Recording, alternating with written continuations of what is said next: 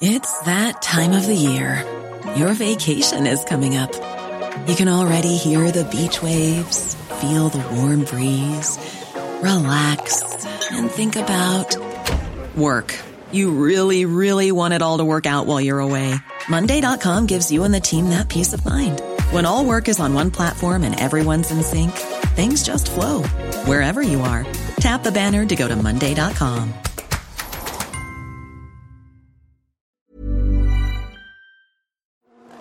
The GMR Grand Prix at Indianapolis is away. Green, green. Great start, willpower. And look at this. Graham Rahal in the blue car. He touched Jack Harvey. That was tight PT. On a very oh. hot day. Wow, that's Askew. Oliver Askew. After qualifying in the Firestone Fast 6, trying to get consecutive top 10s, he has had a huge crash. Turn 14 coming onto the speedway. sorry, guys. That's where Ericsson crashed last year, so this bud? is going to affect the strategy now. Scott Dixon, the five time series champ, has grabbed the lead and taken off. He is almost five seconds ahead of Graham Rahal. Scott Dixon is coming around the closing turns. What a beautiful drive. What great strategy. Three times a runner up here on the Indy Road Course. Second no more. Scott Dixon wins the GMR Grand Prix at Indianapolis for the first time and makes it two wins to start the 2020 season.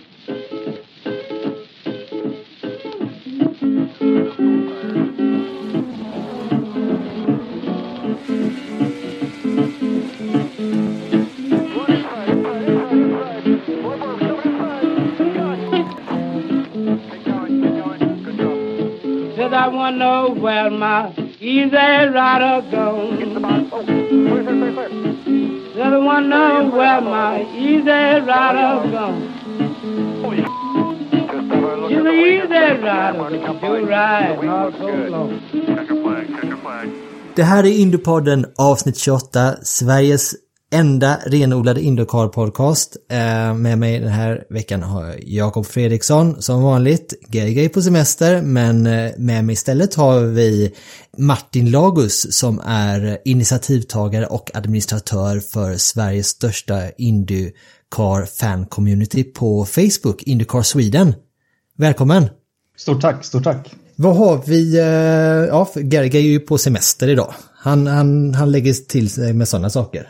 Jag vet inte, tänkte du ha någon semester i sommar, eh, Martin? Det blir semester eh, i augusti, så eh, hittills är det fullt ös på jobbet fortfarande faktiskt. Ja, vad är det du jobbar med? Jag är om dagarna mellan 9 till 5 anställd eh, med en ganska diffus titel, kanske för vissa, kallas agil coach. Eh, så jag jobbar som teamcoach kan man säga på IT-bolag, ett IT-bolag som heter iSettle. Ja, Okej. det känner jag igen. Mm. Just det, tillverkar betalningslösningar för, för eh, näringsidkare. Men sen det, det, ditt riktiga jobb, det är ju liksom ditt sid vid sidan av jobb, eller hur? Ditt eh, huvudjobb är väl ändå att driva Sveriges två största race eh, eh, på Facebook, eh, F1 Sweden och Indycar Sweden, eller hur? Ja, men korrekt. Det är mitt kall och mitt, mitt pri- primära uppdrag i livet är att finnas på internet, jag på att säga. eh, nej, men det är precis. F1 Sweden och Indycar Sweden är eh, det som tar tid. Eh, I, I vågor går det ju. Eh, speciellt under racehelgerna. Så eh, det är ju min roll tillsammans med två andra admins driver jag det. Niklas, Rickard, Niklas och Rickard Flodin som är mina kusiner. Eh, Familjeföretag typ. Ja, men exakt. Eh, Det är ju lite så. Eh, Jag kan dra lite kort. Vi startade med F1 Sweden. Åren blir 2017 om jag har allting i huvudet korrekt. Eh, Och satte igång med Indycar Sweden så fort Marcus eh, gick ut med att han skulle gå över till Indycar. Eh, Så vi startade upp det. Men har vuxit nu till 11 000 plus. Eh, Så vi är superglada att det är sånt stort eh, fokus och så stor community online också. Nu är ni under 11 000 nu. Jag tror att det, det tog inte många veckor eller månader innan ni var 8 000. Det gick ju så otroligt snabbt där i början som var verkligen imponerande. Och för vår del, i In- Indiepoddens del, så var ju faktiskt Indycar Sweden en av eh, indirekt, eh, utan att ni kanske visste om det, en av motorerna bakom idén om att vi faktiskt hade en ett, att det faktiskt fanns ett stort intresse bakom Indycar så att vi hade lite underlag för att starta den här podden också. Så att vi ber om att få tacka för det. Ja, men det är väl vi som ska tacka också för att det här vi, vi är ju inte ensamma på något sätt. Vi, vi är så, så glada att det sker initiativ runt omkring som Indycar-podden och, eh, och liknande initiativ. Så att, eh, ja, tack, tack tillbaka. Hur upplever du, du som är administratör på den, alltså hur, hur, upp, hur upplever du kunskapen och intresset eh, och hur det har utvecklats där sedan ni startade Indycar Sweden. Eh, tonaliteten vet jag att ni liksom jobbar stenhårt med i, som, inom admins, liksom att ni ni vill liksom hålla rent och en trevlig och bra ton, vilket är ju och, och, är otroligt eh, bra att ni tar det på allvar. Så hur upplever du kunskapen och in, hur insatta folk är överlag? Det superbra fråga. Um, jag skulle vilja säga att um, alltså, jag tror vi har eh, majoriteten i gruppen. Jag skulle, en grov uppskattning är någonstans ja, 90 till 80 procent av våra medlemmar är sådana som vill vara med i periferin och titta på ungefär följa eh, headlines, eh, alltså rubrikerna av vad som händer med våra svenska förare. Eh, så jag tror majoriteten av våra medlemmar är de som vill vara med och titta på vad, vad, vilka stora inlägg kommer och vad händer ungefär, vilka stora nyheter och vart kommer Marcus och Felix. Eh, men generellt sett i, i, i kunskapsnivån har ju absolut ökat eh, det, det, finns ju folk som är mer engagerade. Vi, ser, vi kan titta på siffrorna också som, som pekar på att vi har runt 7000 aktiva användare eh, per dag om jag minns rätt. Och en aktiv användare räknas så som en person som har fått ett inlägg visat för sig i sin feed eh, eller eller liknande. Så vi, har, alltså, vi har ganska mycket aktiva användare och det betyder att kunskapen ökar långsamt. Men jag tror att vi har ungefär en skara, skara som är någonstans mellan 10 och 8 procent som är insatta och vill lära sig reglerna och, och haka på och, och tittar. Så eh, jag skulle säga att någonstans runt 1000-2000 pers är, är aktiva och kommenterar och likar eh, följer med. Och det gör ju att kunskapen ökar såklart så har vi de som är, och vi är lite till för att eh, faktiskt liksom sprida kunskapen om, om, om sporten och serien. Och vi försöker, det gör vi också, vi försöker tänka på det när vi, när vi eh, tillåter och, och, och godkänner inläggen. Att inläggen ska vara lite inriktade så att, så att eh, nya personer som inte kan någonting om sporten kan läsa det och förstå och lära sig. Och vi har också, jag tror en av huvudreglerna är också att vi ska försöka eh, att man ska försöka ta ansvar som medlem och svara på kommentarer så att man kan bidra till kunskapen att den växer inom sporten. Eh, så det är för oss superviktigt att man Alltså, en av våra målgrupper det är ju de som inte kan någonting om sporten och vi vill verkligen värna om de människorna som knappt vet vad en gul flagga är. Och oj, vad, vad, hur måste man byta däck och, och eh, tankar också och på den nivån så att vi får så att vi får fler människor som tycker sporten är kul på långsiktig nivå och på djup nivå. Så det är superviktigt. Eh, och sen så jobbar vi supermycket med kulturen. Eh, det är någonting som jag lite kan i mitt vardagliga yrke också se att man kan sno lite idéer från. Men också super, super mycket med att ha en, vad ska man säga, om man får säga generiskt, generiskt begrepp för kulturen, att det ska vara städad. Eh, mm. Och det händer ju mycket generellt sett i motorsport nu, tycker jag. Eh, man ser det på F1 och Indycar och överallt, att man har ganska starka ställningstagande etiskt. Eh, och där vill ju vi vara med och nästan gå i framkant och säga till när det känns konstigt och inte ha en tonalitet som är nedvärderande och eh, där lägger vi ungefär 90% av vårt eh, jobb som admins. Och det, mm. Jag brinner jättemycket för det och ha en, ha en, en, en sport som tillåter eh, alla kön, alla bakgrunder och alla, alla ska känna sig välkomnande. Och, och att de ska kunna, det är viktigast för mig personligen och jag tror för alla admins också att man ska kunna scrolla runt i gruppen och titta fast om de här är kul.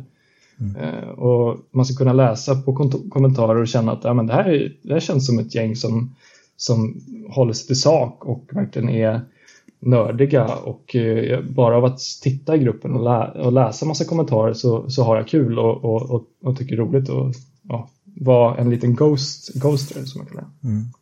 Ja men all heder åt det för det är, jag tycker ni håller på en, en riktigt bra nivå och man märker att det ni har, ni har koll på läget. Och det blir också så att det kan ju gå till överdrift ibland också att man blir att det städas för mycket och administreras alldeles för mycket och så. Men ni har hittat en bra balans där när ni folk kan uttrycka sig men det är ju väldigt noga att man uttrycker sig på rätt sätt. Så att jag tycker det är det är bra att ni uppfostrar oss uh, ouppfostrade in, in racingfans.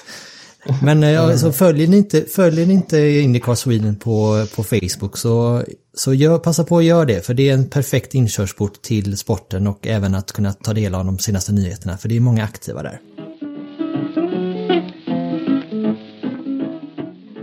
Så, men ska vi, eh, vi har ju haft racevecka. Ja. Ska vi kasta oss in i det kanske? Äntligen högsommar.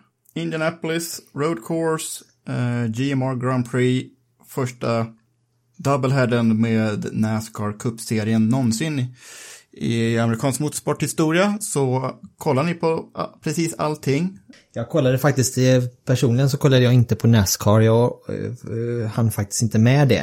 Uh, men allt det andra så var ju såklart uh, väl ins insyltad i. Men du satt hela helgen eller, antar jag? jag, jag skippade Xfinity-loppet. Men jag kollade faktiskt på, på kupploppet. Det tog slut halv fyra i morse tror jag. Eller sånt där. Så, eh, nästan lite jetlaggad. Jag tror jag vaknade klockan tolv idag.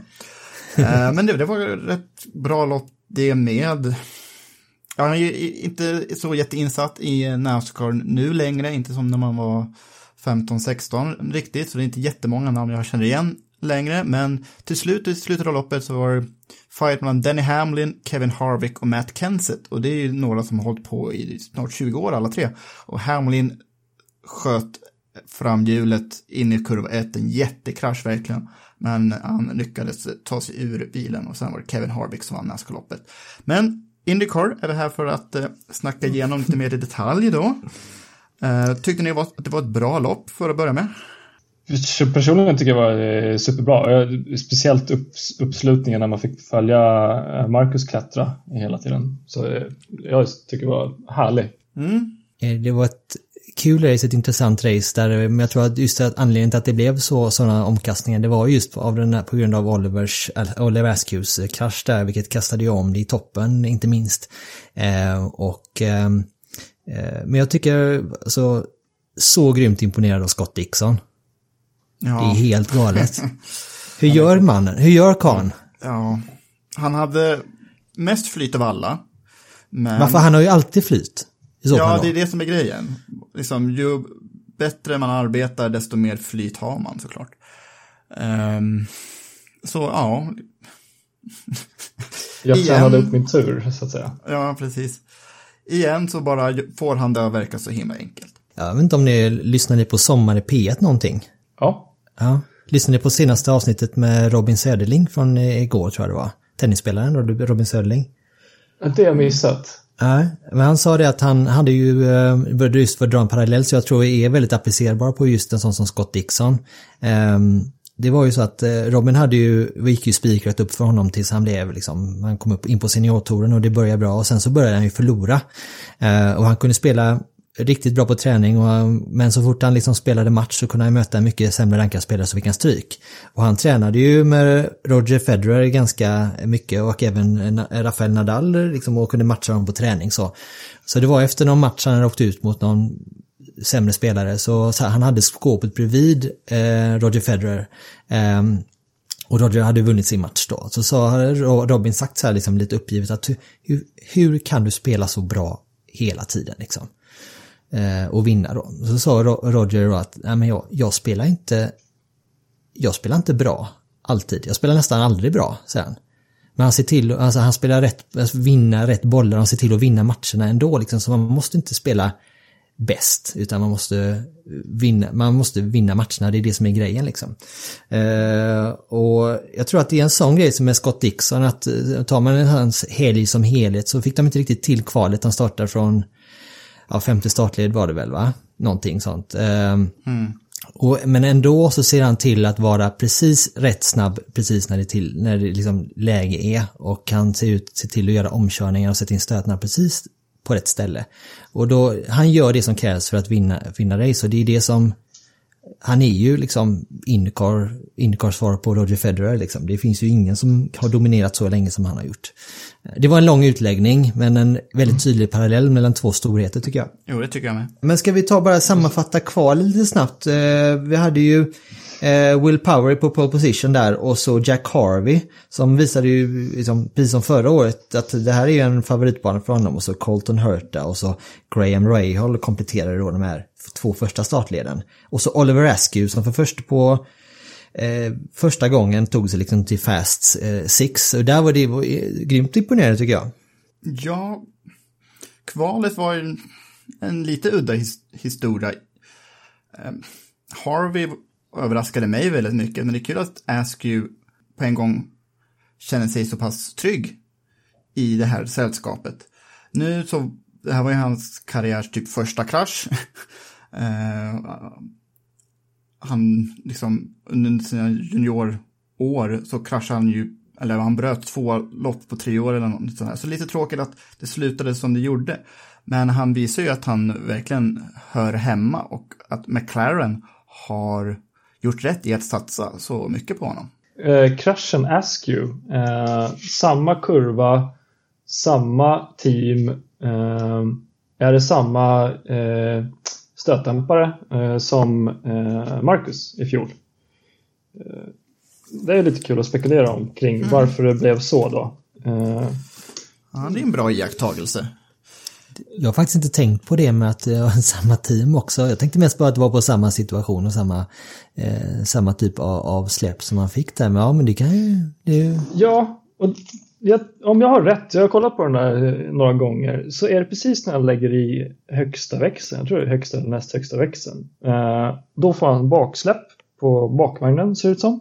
Mm. Eh, och för mig talar det för att man har något slags problem då eller oinställda, eh, alltså du, du kan inte hantera kraftöverföringen från motorn ner i backen. Så du får en, en ja, du får spinner bakhjulen helt enkelt.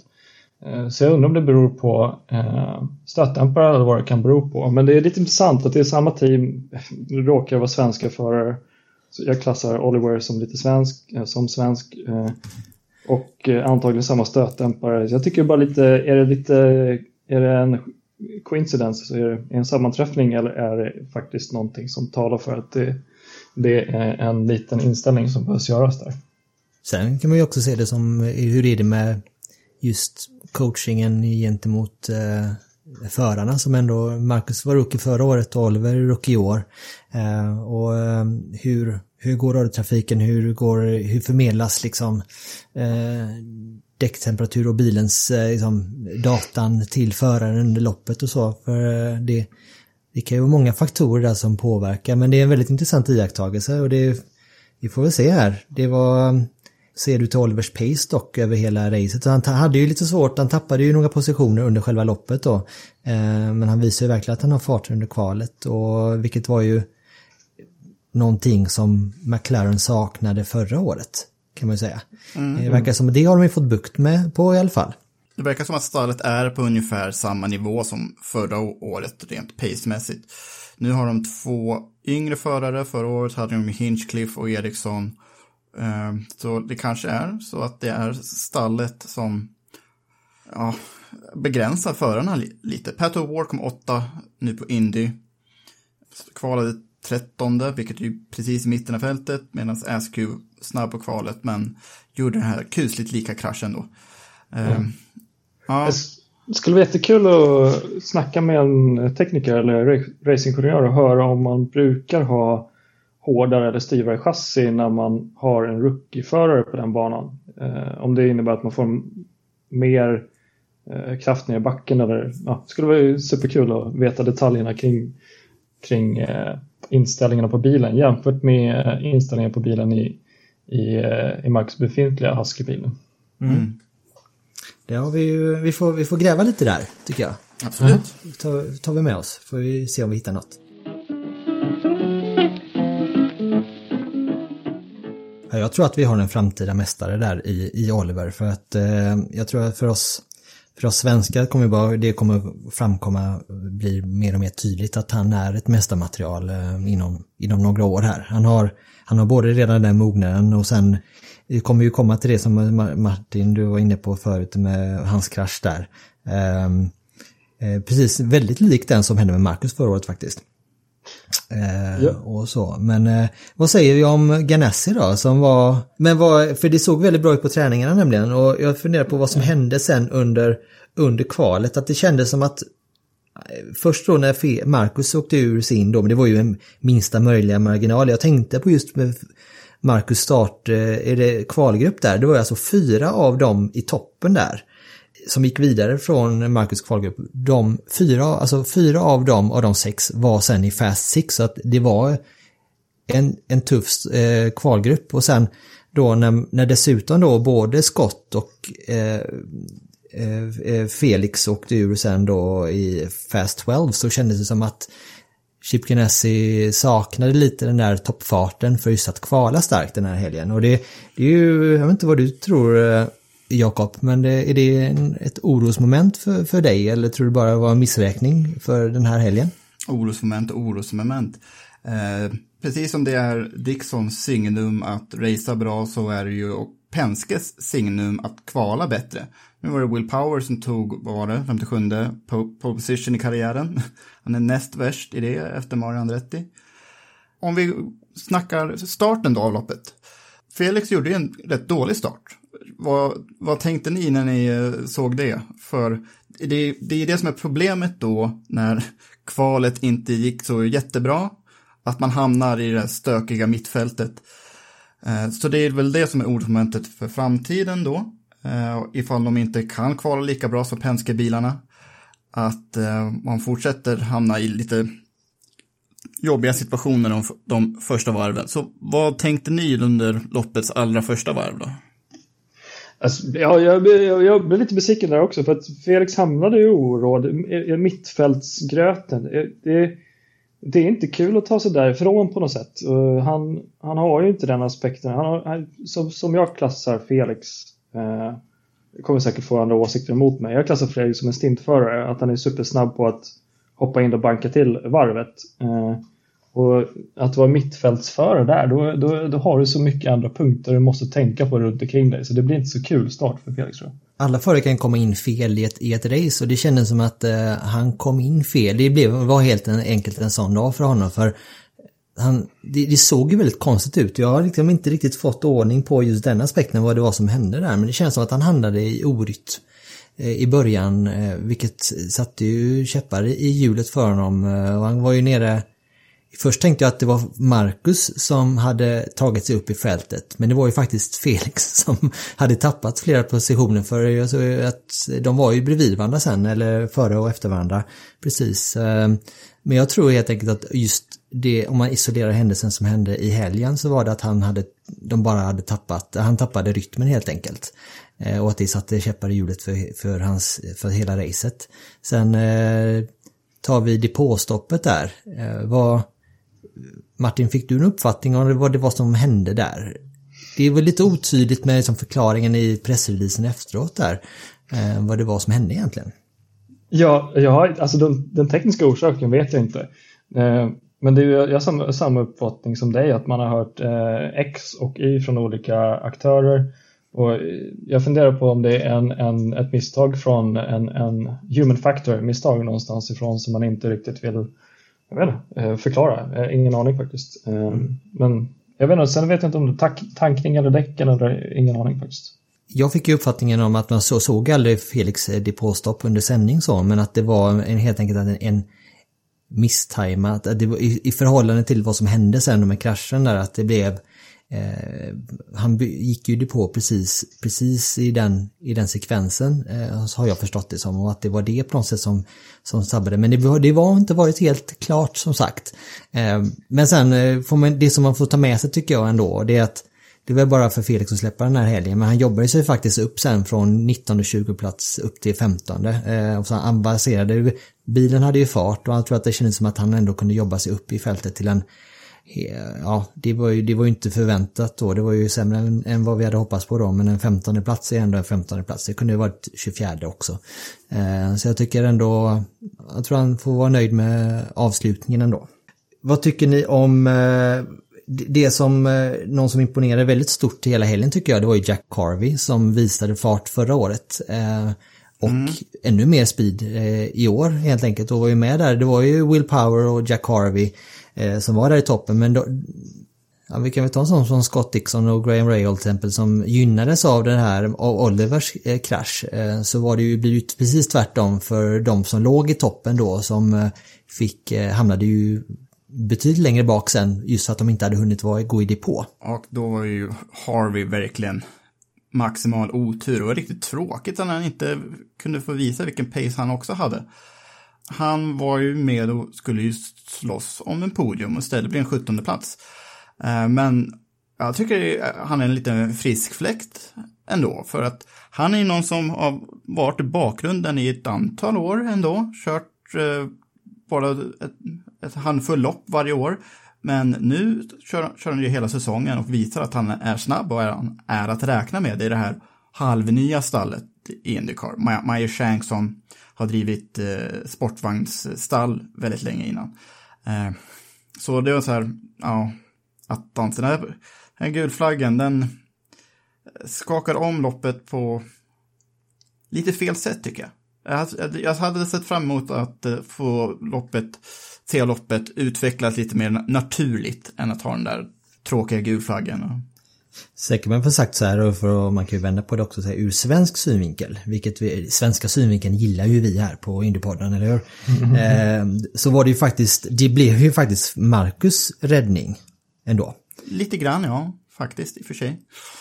Ska vi ta den? Eh, för vi kan ju leda in i den. Eh, Marcus gjorde ju ett, eh, som sagt han kvalade på 14 och jobbade sig successivt uppåt i fältet och visade ju vilken stark, eh, vilken, vilken bra racecraft han har och just eh, lite likt eh, skott kanske så sätter in de snabba varven när det krävs och han överlag. Men sen så blev det ytterligare då ett, precis då innan den här gulflaggen så gick han ju det på och då blev det ju problem med tankningen igen och jag tänkte, hela mitt hjärta sjönk genom golvet. Hur tänkte, mm. vad tänkte ni när han blev stående? Inte igen tänkte jag. ja, det är verkligen så. Och jag, det som jag blev lite nyfiken på det var ju sen att han Ja, nu räddades ju liksom, han räddades ju av gulflaggen då, men jag var lite nyfiken på alltså vart kunde det ha slutat om han inte hade haft problem där? För det var ju mm. eh, Så jag skickade faktiskt ett sms till Marcus igår och frågade lite om hur, om de hade, alltså hur många som sekunder han uppskattade att de hade tappat i depån han hade inte sett någon data på det men han, han uppskattade att han förlorade uppemot 10 sekunder ungefär. Ehm, och så, så, för att kunna ta sig uppåt igen så blev han tvungen att använda mycket push to pass. Så när han väl kom ikapp VK och Colton Hurta så hade han inte tillräckligt med push to pass kvar för att kunna ta sig förbi. Eh, sett då till att han låg före Simon Pagenaud innan problemet i depån och att Graham Rahal var tvungen att spara bränsle för att klara sin tvåstoppare eh, så bekräftade Marcus att det mycket väl kunde bli åtminstone en podiumplats i lördags. Eh, men oavsett, oavsett vilket var han i alla fall väldigt nöjd med racet och det är bara att skriva under på det tycker jag. Absolut, en sjätteplats är ju absolut inte dåligt under några omständigheter. Så det är bra att han har momentum ändå. Ett, ett bra resultat, stabila poäng efter det tråkiga i Texas. Så det, det ser lovande ut för resten av säsongen. Ja, alltså det är superkul. Man, man såg de här eh, sidorna av Marcus som man eh, så att säga, vill se eller har sett eh, stundtals hela tiden. Det, sen tittar jag igen på hans omkörning av Felix i först, andra, tredje kurvan. Och då ser man igen de här aggressiva, eh, liksom, här finns jag och nu kommer jag. Eh, eh och det är superkul att se. Eh, sen så den här, sen går det ju att räkna ut rent matematiskt hur många varv till hade man behövt på slutet för att han skulle hamna på podiet. Eh, med befintlig, med befintlig data eller med, med, om man fortsätter att räkna varvtiderna så att säga. Så det hade varit eh, superkul att bara räkna ut och sen så jämför man det hur mycket sekunder man har tappat i, i depån Och så hade man kunnat kolla på rent eh, hypotetiskt eh, vad, är, vad är alternativt outcome. Men det är så kul att se att han sista varven sätter också, om jag minns rätt, de snabbaste varvtiderna på, på hela racet. Det, det, det är bara vad talar för att han är en sån förare som är, som jag brukar säga, sprintförare. När man ser att när han har ett momentum så är han snabbast på banan. Och det, det, det, hans möjligheter att känna av däcken och spara på däcken är ju super, superfina. Så att, eh, hans, hans, eh, jag tror och hoppas att hans tid i serien kommer komma nu och att his time to shine eh, i år. Liksom.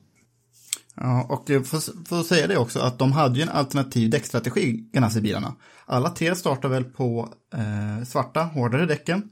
Precis. Så då kunde de också sprinta sen senare i loppet. Eh, särskilt Dixon gynnades ju av det. Eh, efter gulflaggen så hade han ju eh, färska röda däck, behövde inte spara bränsle medan Graham Rahal som då ledde han strategi gick ut på att spara bränsle och han hade gamla hårda däck. Så att, eh, Rahal blev ju en munsbit för Dixon. Eh, men jag tror att Marcus också gynnades av just den strategi, att han kunde sprinta när andra hade varit i depån, lite alternativ strategi. Och just det här momentum, han, han känns ofta som en sån som kör på självförtroendet. Eh, det såg man i Detroit när han, förra året när han helt plötsligt hamnade på en andra plats och höll sig kvar där. Det var lite otippat eh, trots allt för ett år sedan. Och eh, ja, jag tror att så, länge, så länge det släpper, då, då, eh, nu släpper det, ja precis. It's time to shine. Mm. Ja, det, men det jag sett fram emot, ser fram emot här nu, vilket förhoppningsvis kan, kan ske, det är att de han, man har ju inte varit bortskämd med att Marcus har fått medgång i flera race i rad. Eh, det har ju varit Precis. mycket så att han har gjort en riktigt stark insats och sen så har det hänt någonting. Liksom antingen om det är ett eget misstag, eh, men oftast kanske att det varit andra omständigheter också som har ställt till det för honom.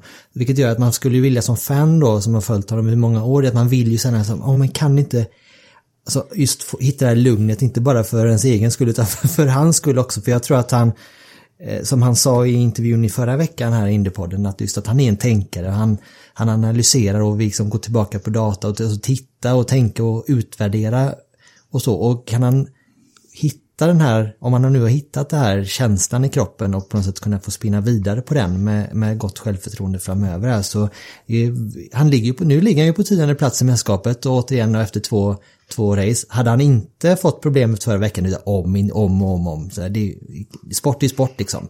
Men då hade han ju varit, låt oss säga att han hade slutat eh, 7, 8, 9 i, Texas. Och så hade han, låt oss säga då, okej, okay, men han blivit sexa eller femma nu i, igår då, om man bara tänker snålt så, så då har han ju varit topp fem. För det är ju väldigt tajt i toppen ännu, så att han har ju verkligen han har ju, jag tycker han har haft en stark inledning i, i Chip Ganassi här nu. Jag tror att det kommer peka uppåt superkul. Det, det, det, är en, det är en naiv, naiv jämförelse, en, en naivt sätt att omsätta analysen, men det känns som Felix hade ett litet Marcus-race i, i helgen och eh, Marcus hade ett Felix-race. Det, det föll lite mot att Marcus prestation var lite som Felix. Alltså det, föll, föll, det blev lite fel men det föll rätt ut ändå. Mm. Men sen är det ju som i alla sporter, ett enda misstag på ett enda ställe så har du så har det en dominoeffekt och du har konsekvenser av det. Så att hade man inte gjort något misstag i Marcus team eller hos Marcus så hade vi säkert, jag tror, jag tror, jag hoppas att det är en tidsfråga när han är på pallen. Vi är denna vecka sponsrade av Stefan Johansson.art eh, och eh, han är som sagt inte bara liksom före detta före detta gud höll jag på att säga, men han är ju en, en racinggud, mitt levande racing, racing eh, ängel. Nej, det är också fel. Vad ska man säga, Jakob? Legend. Legend, ja. Eh, allmänt så, men eh, det är, alltså, han är ju liksom inne i sitt livet 2.0 här nu, där han har omfamnat eh, konsten eh, och han liksom jobbar som konstnär nu för tiden helt enkelt med ateljé i, i Los Angeles. Och eh, det är ju så att hans eh, tavlor finns ju att köpa på stefanjohansson.art. Eh, men han har ju också även satt konsten på andra produkter, bland annat jackor och skateboarddäcks. Och nu senast ansiktsmasker som är ju alldeles eh, ett nödvändigt ont nu här så här i coronatider. Mm. Och de här ansiktsmaskerna, Ehm, om man köper en så donerar man också en till välgörenheter i Los Angeles. Och sen så har det extra paket, man kan få fyra masker för betydligt lägre pris än om man skulle köpa individuella. Så om man köper fyra ansiktsmasker så hjälper man också eh, hemlösa i, Los Angeles att kunna också få de här ansiktsmaskerna då. Ja, precis. Så en mask kostar 30 dollar och då ger de Stefan en till hemlösa i, eh, i Los Angeles. så köper du fyra masker för 65 dollar, alltså då är det ju betydligt bättre deal. Då ger du, köper du i själva verket åtta masker, då fyra liksom skänks då. Så att eh, det är ju både för en god sak och eh, bra för dig också som vill hålla dig eh, ifrån basilusker så här i, i eh, coronatider. För det är ju, även om vi inte har masktvång i Sverige, så eh, när, när du är ute och reser så kommer du för, kanske för lång tid, ganska lång tid framöver behöva en mask och varför inte då som sagt, gör det med stil. Men snygg återanvändningsbar, så tvättbar mask med Stefans konst på liksom. Så har man ett litet fashion statement mitt i all bedrövelse. Ehm, men de har ju också, det är också en tävling här, eller hur? För eh, de vill ju även, Stefan, om, du signar, om ni signar upp er på Stefan Johanssons nyhetsbrev, vad händer då Jakob? Då är man med i en utlottning av ett presentkort på 150 amerikanska dollar som man kan använda då i Stefan Johanssons eh, webbutik, stefanjohansson.art. Eh, sista dagen att eh, kunna ta del av det här är 17 juli, så vänta inte för länge. Eh, men det är jätteenkelt, bara signa upp för nyhetsbrevet och då kan du vinna 150 dollar. Så tack till Stefan Johansson.art. Ja, kära Indiepodden-lyssnare. Som ni vet så har vi ju kört en tävling inför eh, loppet som avgjordes i helgen. En Husky-tävling. Där första priset var en hel låda med Husky Chocolate-drycker. Eh, hög tid att av avslöja vinnaren i den tävlingen. Men först, innan vi gör det, så tänkte jag berätta att vi fortsätter med den här tävlingen även inför veckans tävlingar på Road America. Så vi fortsätter Husky-tävlingen inför helgen som kommer. Och då, vi fortsätter såklart med Marcus Eriksson-tema.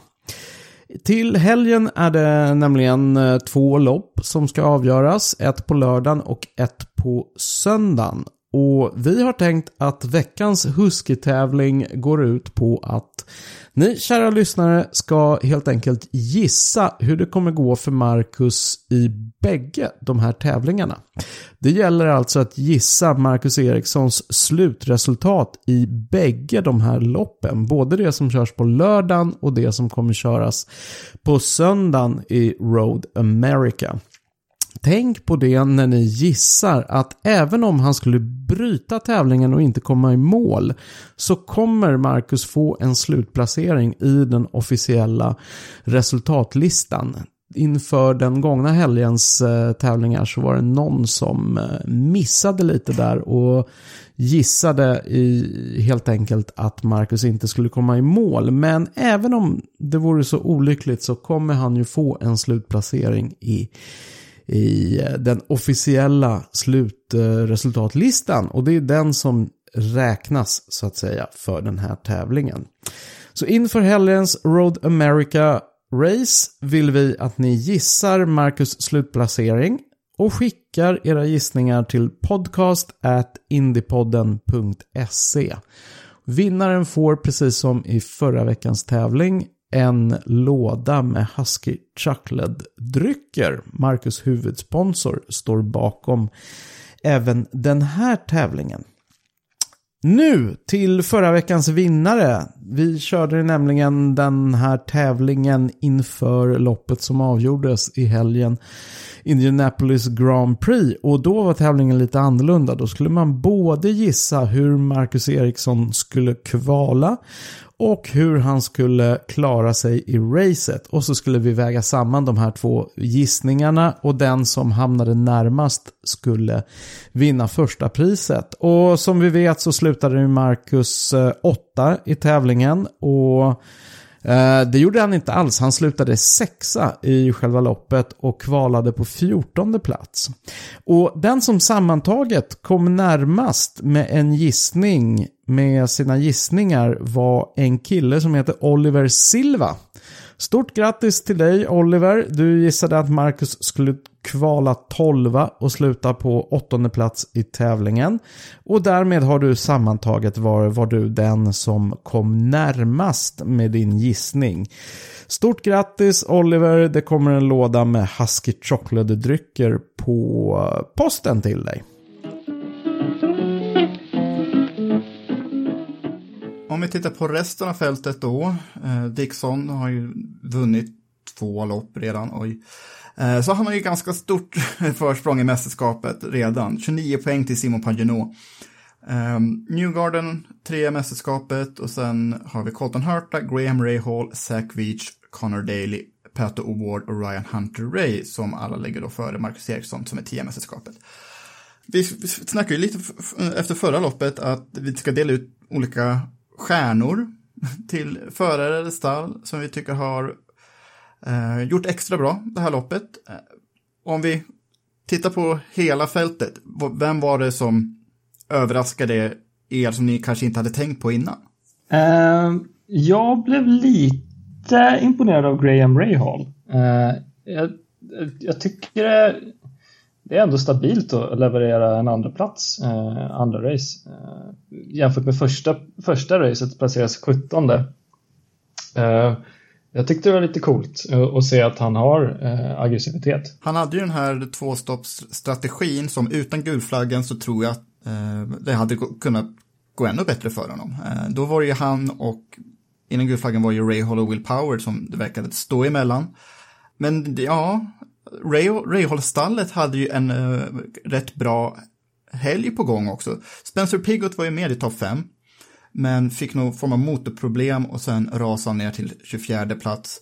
Men ja, okej. Okay. Ja, Ray Hall är sån som också kör mycket på humör och på självförtroende. Eh, efter sådana här lopp så tänker tänk jag lite grann, varför gör han inte så här hela tiden? För då kan han ju vara med och slåss om mästerskap igen. Eh, det var ett tag sedan han vann ett lopp senare, men eh, tror du att han kommer kunna konkurrera nu i helgen på Road America till exempel, Martin?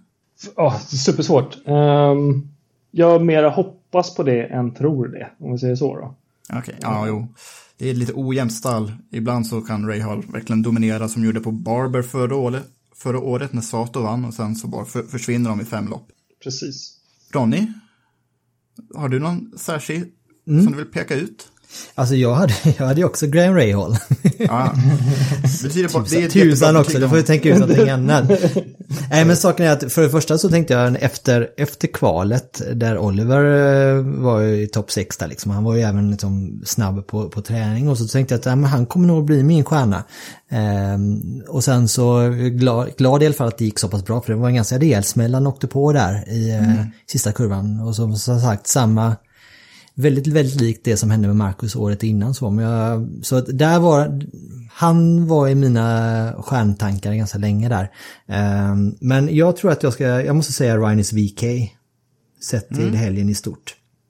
Som blev femma. Uh, han kvalade ju uh, lite längre ner i fältet men gjorde ju en, just tänker på att han är, han är rookie och gjorde en så himla stark insats i, i racet. Så det får bli min stjärna. Ver ja, vilken comeback från katastrofen i Texas. Eh, mm. vi, vi skrev inte av honom helt för vi fattade ju kontextet där.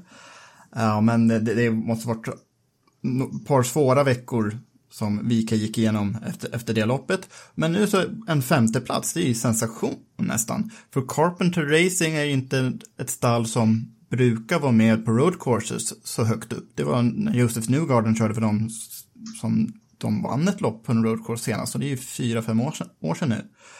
Uh, så, jo, jag ja. hoppas det blir en Dutch invasion också till, till Indy. Verkligen om, om man jämför rookies då, Askew och Vike, så har vi, vi lite mer förväntningar på Askews. Askews track record visar på att han ska vara en fighter uppe i toppen. Så det är, mm. super, det är bra kort där att säga Vike, speciellt med tanke på att han är rookie. Och vilken är din stjärna då, Jakob? Eller har vi snott dina två här nu? Nej, jag nämnde det lite grann med Spencer Piggott. Han gjorde några, några riktigt snygga omkörningar i början av loppet. Tråkigt att han inte kunde fullfölja loppet. Han bröt med ett handfull varv kvar med, efter det här motorproblemet som hämmade hans fart. Eh, men jag vet inte om jag ska säga honom en, en, ändå. Han kör ju inte hela säsongen, han kommer inte vara på plats på Road America till exempel. Mm. Men... Ja, men jag tycker det är så att det är det som är lite speciellt med Indycar just att omständigheterna kan ju göra att bara genom en, en gul flagg på fel ställe så kan det liksom ett, ett grymt lopp och en otroligt fin insats liksom grusa allting och så blir det tredje sist vilket hände ju då i Spencer Piggets fall den här gången så jag tycker det, det är en bra stjärna att sätta tycker jag. Fast det, det är svårt att komma runt Scott Dixon ändå liksom.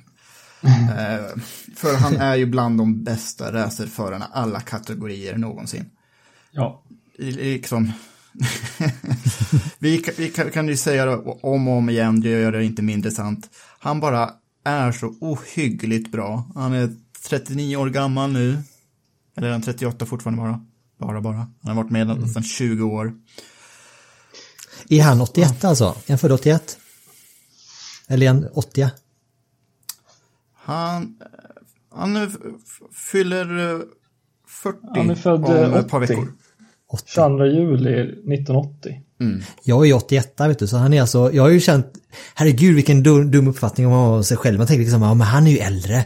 Ja, han är väldigt erfaren. Ja, nej, men han är ju som lite så här fadersgestalt fast eh, jag har en väldigt bra farsa som jag har. Eh, men, eh, men man känner liksom så, så är han ett år äldre än vad jag är. ja, herregud. Fyller 40 man blir sliten i, Man blir sliten i racebilen, så är det. Nej, men jag tänker inte, är alldeles så här positiv så här. Man kan ju vara liksom, ja. man kan ju liksom, se gammal ut för att man är sliten. Men så kan man ju också vara, liksom, vara väldigt mogen eller väldigt så här självklar i sin gestalt och det tycker jag Scott är. Skulle, ja. Ehm, ja. Jag vill vara kompis med Scott Dixon känner jag. har, har six degrees of separation kallar man det för liksom, kan man komma åt någon liksom? Men det är ju ganska lätt, vi, vi har ju kontakt med Marcus och Felix, herregud. Mm. Vi måste få hit Scott till, till eh, podden. ja, det, det är klart. Och så med lite förhoppning om att vi kanske kan bli vänner på riktigt. Ja. Det får bli målet. Det, det, finns, det finns något visst tycker jag med australiensiska toppförare. Jag, jag har ju eh, Toby Price som är en av mina eh, favoriter inom Dakar. Det, det, när man kommer till den nivån och sen Toby Price då eh, levererar en hockeyfrilla eh, på, med en jargong som är bara otroligt skön. Och det tror jag Scott Dixon har nog samma aura kring sig. En, en, och det talar ju bara för hur många Eh, jag tror han har 115 podium om jag minns rätt. Eh, och när man har så många podium då har man den erfarenheten och har bara det lugnet i sig på race. Och det, det tycker jag är superkul med Indycar att det är så mycket en senioritet talar och erfarenhet talar. Och det är som vi var inne på lite tidigare. Man vet när man ska pusha och när man, man vet när man ska ta det lugnt. Det är lite tempoväxling. Liksom. Mm. Mm. Och, ja, det är superkul att se han, han leverera på erfarenhet. Det här var Dixons 48 seger i karriären. Uh, han har kört 323 lopp sedan han debuterade år 2001. Han har tagit 114 podium, men ändå okay. väl liksom mer än var tredje lopp på podium. Senaste året han inte vann ett lopp var 2004. Ja, jag tror mm. att uh, är mästerskapet avgjort. Han har ju satt ner foten i alla fall kan man ju säga. Mm. Ja. För att uttrycka det milt. Men tar vi en sån som, alltså Joseph Newgarden tycker jag har ju det, det, är väl Scott och Joseph som har den typen av förmåga att alltid blanda sig in i toppen på något sätt. För ser du Newgardens helg så han var ju så nära att trilla ur i Q1. Lyckades ta sig vidare med sista på sista plats. Och sen så var han väl på gränsen i Q2 också. Han lyckas ändå ta sig till Q3. Eller har jag, minns jag fel nu? Han kom till Q3 men sen så bromsade han på ja. sig på sitt enda, enda riktiga varv. Så det blev en sjätte plats då på kvalet.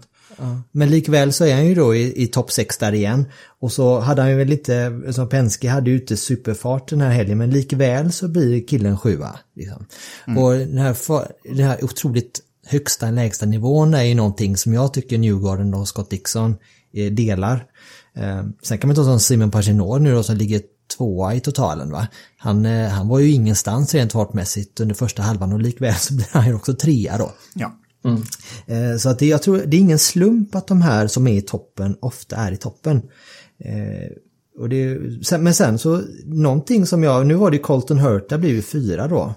Men för övrigt så tycker jag, jag, jag har inte blivit så imponerad av Andretti överhuvudtaget. Och vi har ju varit lite inne på det i podden tidigare, att är de för många bilar? För nu var de ju sex bilar, inklusive med Hinchcliffs då bil i, eh, i helgen här nu. Och tar vi en sån som Marco Andretti så var han ju Tyckte han visade lite fart i Texas men eh, nu var han ju hade ett otroligt problematiskt race liksom. Det kändes som att det var ju 2019 års takter som fortfarande satt i.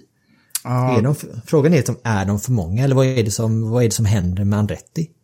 Ja, de har underpresterat för Rossi har ju inte varit någonstans, kvalade 11 och bröt eh, halvvägs in i loppet.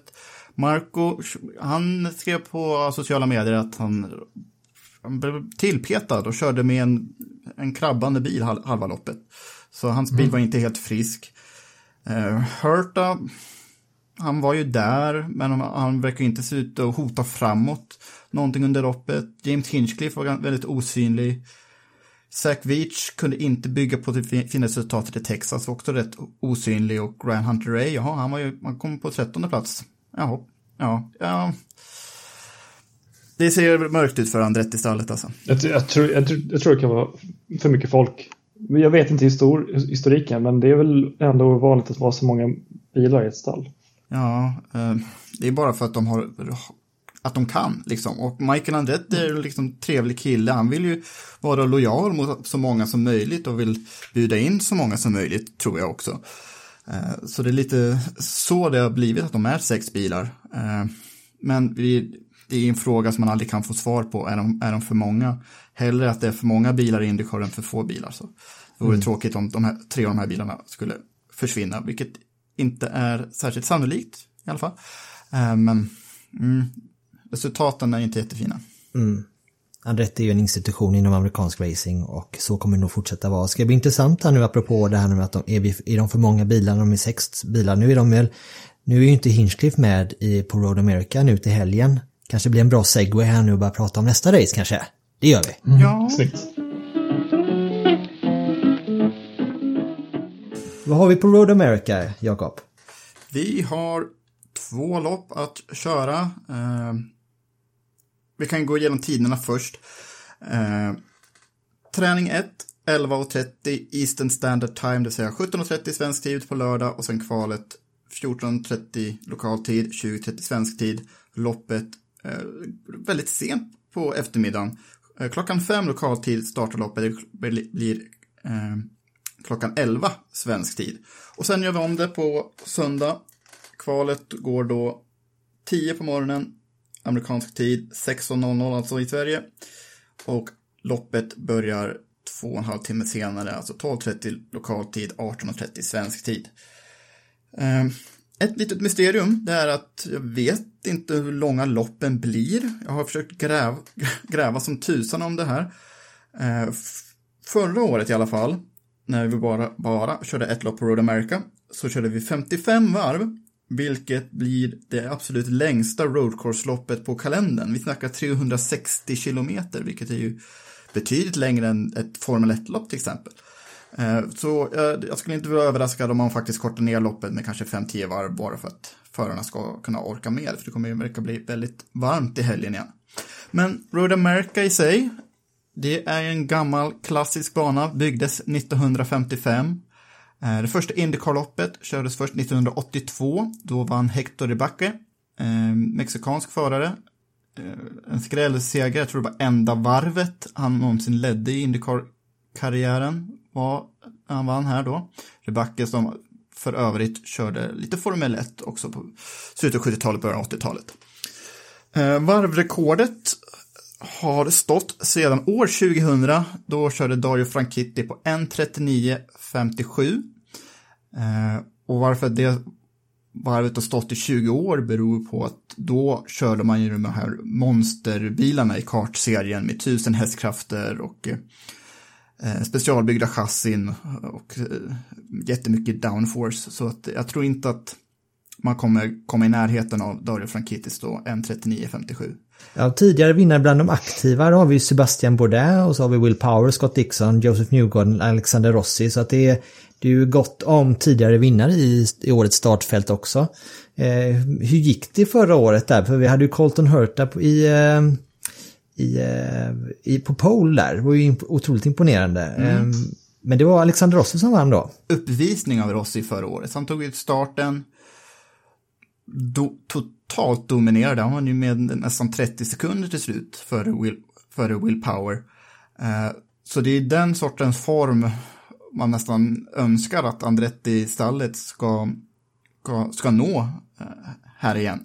Och nu ifall de kan bygga på det de gjorde här förra året, då kan de ju ta dubbelt upp när det är två lopp som ska köras. Men Hurta kommer jag ihåg på tog kvalet, men han, de hade ju lite problem med mycket däckslitage, så han halkade runt och slutade sen åtta. För svenskarnas del, eh, Marcus kommer jag ihåg, sladdrade av banan i början av loppet, men kunde sen klättra sig upp till en trettonde plats. Eh, och Felix kvalade ett av hans sämre kval, 18, men klättrade stabilt, körde väldigt en väldigt eh, snygg tävling och slutade sexa i mål. Jag kommer inte ihåg så mycket annars av, av det loppet. Gör ni det? Nej, bara besvikelsen för Marcus prestation. Men det... Mm.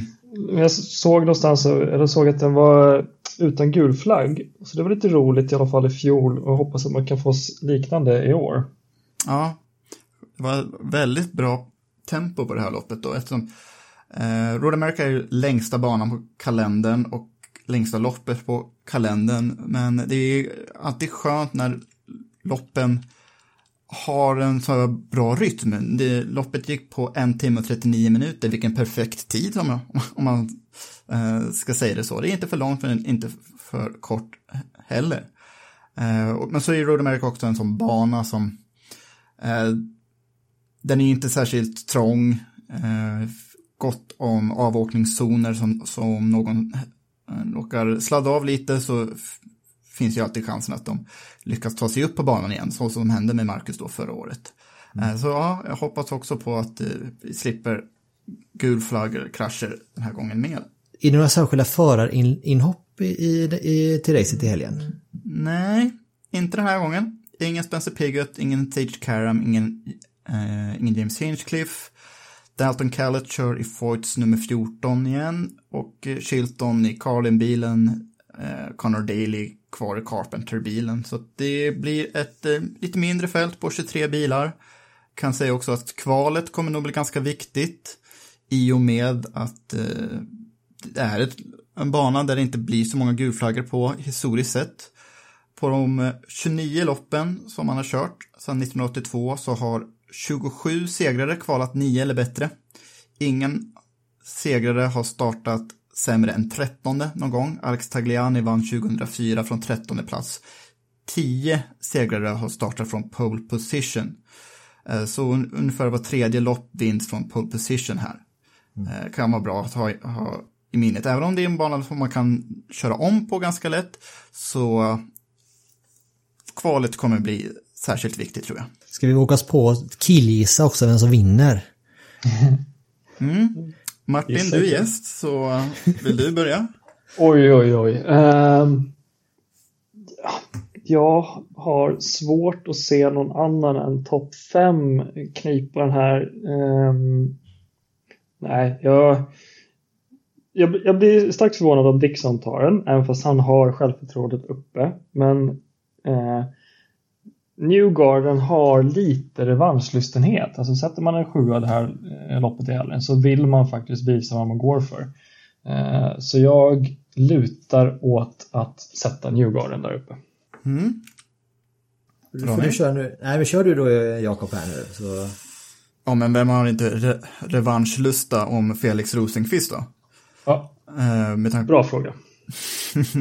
han var ju riktigt vass här förra året tog sig upp 12 platser, vilket var flest av alla då. Um, jag tror en bana som passar honom, rätt old school, skumpig gammal asfalt, det, det går undan. Han gillar, han gillar ju, om jag förstått det rätt, bilar med mycket downforce. Så det här är en bana med många snabba, snabba kurvor som kräver en bil som fungerar bra med mycket downforce. Så jag, ja, jag vill säga Felix. Alltså jag, jag gör det ändå. Okej. Så Martin, du, du tippar Jos- Joseph Newgarden för att hans revanschlusta och så tippar Jakob Felix för hans revanschlusta. Då, då tippar jag Will Power för hans revanschlusta. Fair enough. Han kvalade ju, ja, men, som sagt, han är ju stark, eh, kval, eh, stark kvalare, eh, Will Power, och i och med att det är en nyckel, det är bra att starta högt upp här. Nu, nu kvalar han trea förra året, Will, och så, men lyckas han liksom kvala på samma plats eller kanske till och med rent av på position så tror jag att han kommer att vara svårhotad till helgen. Så att jag, jag tippar Will Power där. Sen är det ju två lopp då, men vi kan se om, om vi kanske kan, kanske kan pricka en var här nu då. Så vi får, får väl se, då är det spännande i alla fall. Det blir intressant eh, eftersom han tog eh, andra placeringen i fjol så kan du, han verkar gilla den banan med Willpower. Vi skulle också vilja pusha lite för våra sociala mediekanaler också för att det är inte bara så att man där kan komma i kontakt med oss utan det är också faktiskt ett ypperligt eh, ypperliga, ypperliga medier för att liksom hänga med i de senaste nyheterna inom Indycar. Mm. Följ oss då på Twitter, Facebook, Instagram. Vi delar med oss av våra tankar och lite annat där. På Facebook kör vi också veckans klassiker. Bara vi tipsar om ett gammalt lopp som kan vara värt att ladda upp inför helgen. Vi tar något relevant från Road America den här gången kan jag tänka mig. Och sen på Instagram så har, försöker vi också hålla er up to date med vad som händer i Indycar-världen. Mm. Och så nu har vi också en alldeles egen webbredaktör, Webblasse, på Facebook där som ser till att pusha för de hetaste nyheterna från Indycar och eh, teamen och förarna och så. Så att eh, ett, som sagt ytterligare ett incitament det är att, eh, att följa oss på Facebook. Det är liksom att där nu kommer ni få ett nyhetsflöde mer kontinuerligt där också. Tycker vi ska. Eh, Martin, vad har du för planer inför helgen? Uh, inför helgen så blir det lite att bygga på mitt, uh, mitt rallytorn till min uh, hoj som jag håller på uh, ska öva upp mig inför uh, ja, långsiktiga målet, drömmen att köra Paris-Dakar någon gång i livet. Vänta lite här nu, du, vänta, vänta, vänta nu. Du kan, du, kan ju inte, du kan ju inte i en presentation av dig själv säga att du jobbar med IT och sen att du har en liksom, fan-communities på nätet och sen glömma att du har målet att köra Paris-Dakar. Nej, Du får, dåligt berätta, vänta lite, tar en paus här nu. Fortsätt nu. Berätta. Ja. Nej men det, jag älskar motorsport och eh, man måste inse att eh, man på något sätt har missat, vad ska man säga, eh, juniorprogrammen för fyr, fyrhjuliga sporter.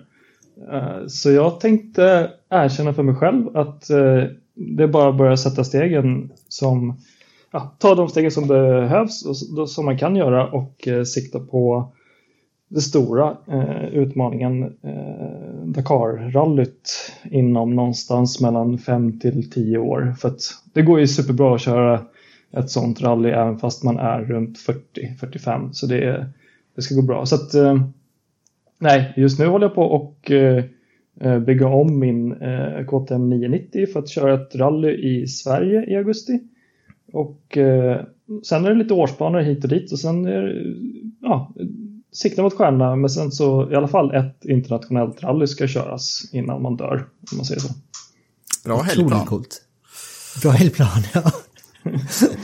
ja, det- men har du, då har du kört eh, motorcykel, eh, motocross i många år. Eh, jag har kört eh, lite cross som ung eh, men går eh, inte via endurospåret som de flesta gör utan jag vill gå rakt på eh, alltså rally raid eller med roadbook navigering så att ja, ha en pappersrulle på styret och eh, navigera med eh, navigation då själv ute på rally raid. Så lite, lite en annan sport som en, en enduro cross då även fast det är två hjul etc. etc. Så det jag går rakt på eh, roadbooken och det tycker jag utmanar mig på ett roligt sätt. Spännande. Jag intervjuade Annie Sil för eh, många år sedan. Eh, så har du någon kontakt med henne? För hon har gjort den resan som du planerar att göra. Ja, jag har träffat henne ganska många gånger, eller ja, ett par gånger. Eh, bland annat körde ner hennes rallyhoj till Elmia-mässan i vintras.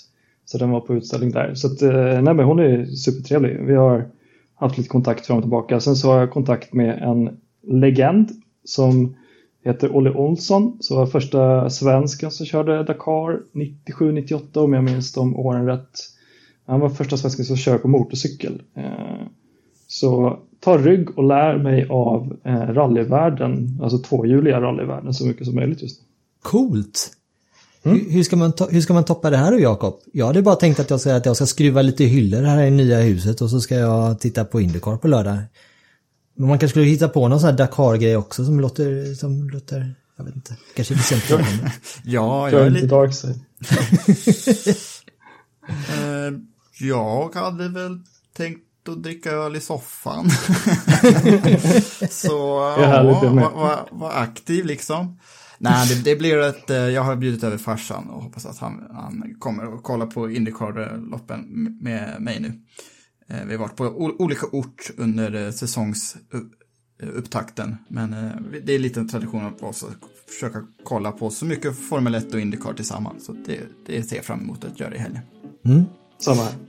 Det är härligt, härligt. Då tackar vi för den här veckan och så hörs vi nästa vecka igen. Tack Martin och tack Jakob. Tack hörni. Stort tack för att jag får med. Tack så mycket. Said I wonder where my easy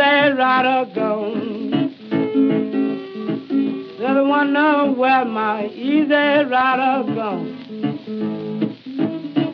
She's an easy rider, but she do ride hard so long.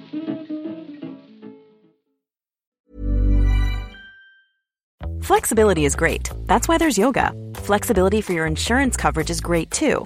That's why there's United Healthcare Insurance Plans. Underwritten by Golden Rule Insurance Company, United Healthcare Insurance Plans offer flexible, budget friendly coverage for medical, vision, dental, and more. One of these plans may be right for you if you're, say, between jobs, coming off your parents' plan, turning a side hustle into a full hustle, or even missed open enrollment. Want more flexibility? Find out more about United Healthcare Insurance Plans at uh1.com.